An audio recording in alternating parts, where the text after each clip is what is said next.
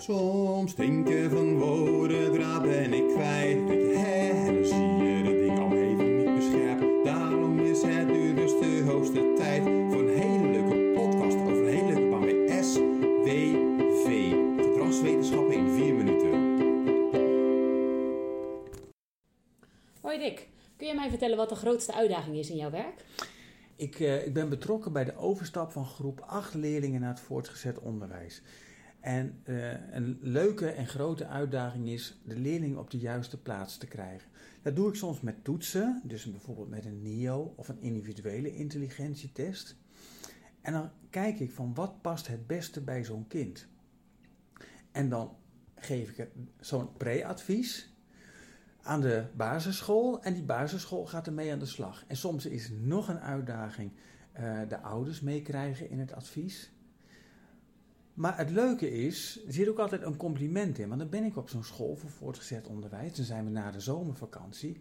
En dan zegt zo'n kind: hey, meester, ik ken jou nog van de toets. Betekent dat ik het toch wel een beetje goed heb gedaan.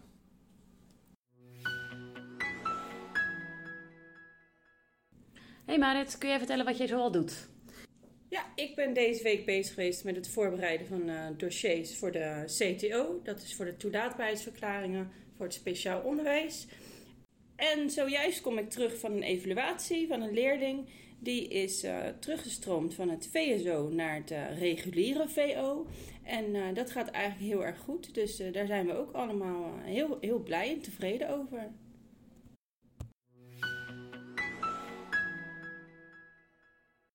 Hoi Dominique, kun jij vertellen wat, wat je vandaag allemaal gedaan hebt? Ik ben vanmorgen begonnen uh, met een overleg met het hele team. En daar hebben we het gehad over een uh, stukje casuïstiek. Dus er zijn wat moeilijke casussen besproken en iedereen heeft daar hun tips en advies over gegeven. Toen ben ik op een fiets gestapt naar Digibende in Delft voor een evaluatie van een leerling die daar een uh, traject uh, volgt. En dat gaat hartstikke goed. Dus dat was een heel leuk gesprek met hulpverlening en ouders en iemand van Digibende. Uh, even kijken, wat heb ik daarna nog gedaan? Oh ja, toen heb ik nog een telefonisch contact gehad met een ondersteuningscoördinator van een MAVO-school die een uh, terminvoorziening uh, willen neer gaan zetten op school. Dus zij wilde even met mij sparren voor wat is daar dan uh, een goede invulling voor en hoe kan dat er dan uitzien. En ik kom net uit een online meeting, want voor leerlingen die op het speciaal onderwijs zit. En waar we met elkaar ook met ouders en met het speciaal onderwijs en met hulpverlening en mij het moesten hebben over het langere termijnplan. Goedemiddag Jacqueline. Kun jij vertellen wat het leukste is dat je deze week gedaan hebt? Het leukste wat ik deze week gedaan heb, of eigenlijk het leukste wat, ik, wat, ik, wat er elke dag wel speelt, is vooral de afwisseling in mijn baan. Ik begin s ochtends op kantoor. En uh, zoals bijvoorbeeld gisteren spring ik daarna op mijn fiets naar een basisschool. Vanuit de IB'er daar kwam de vraag of ik hen uh, uitleg wil geven en hen wil begeleiden uh, van een leerling met TOS, taalontwikkelingsstoornisproblematiek, en de overstap naar het vervolgonderwijs. En we zaten daar in gesprek met docent, met IB'er en met ouders.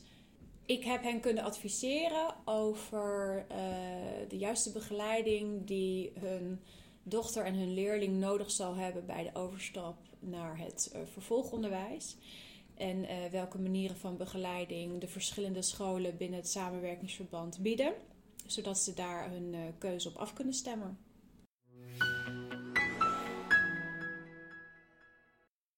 Hey Willemien, hoe was jouw dag vandaag? Ah, Simone. Nou, leuk. Ik heb een, uh, vanmiddag een hele creatieve middag gehad.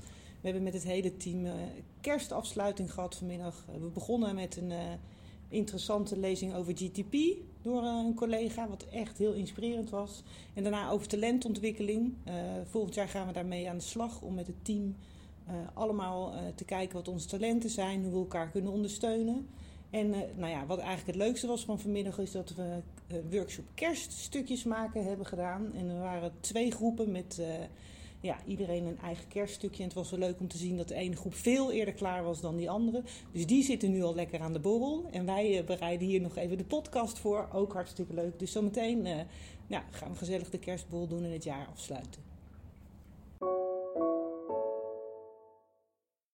Enthousiast geworden na het luisteren van deze podcast? Of wil je meer weten over deze functie?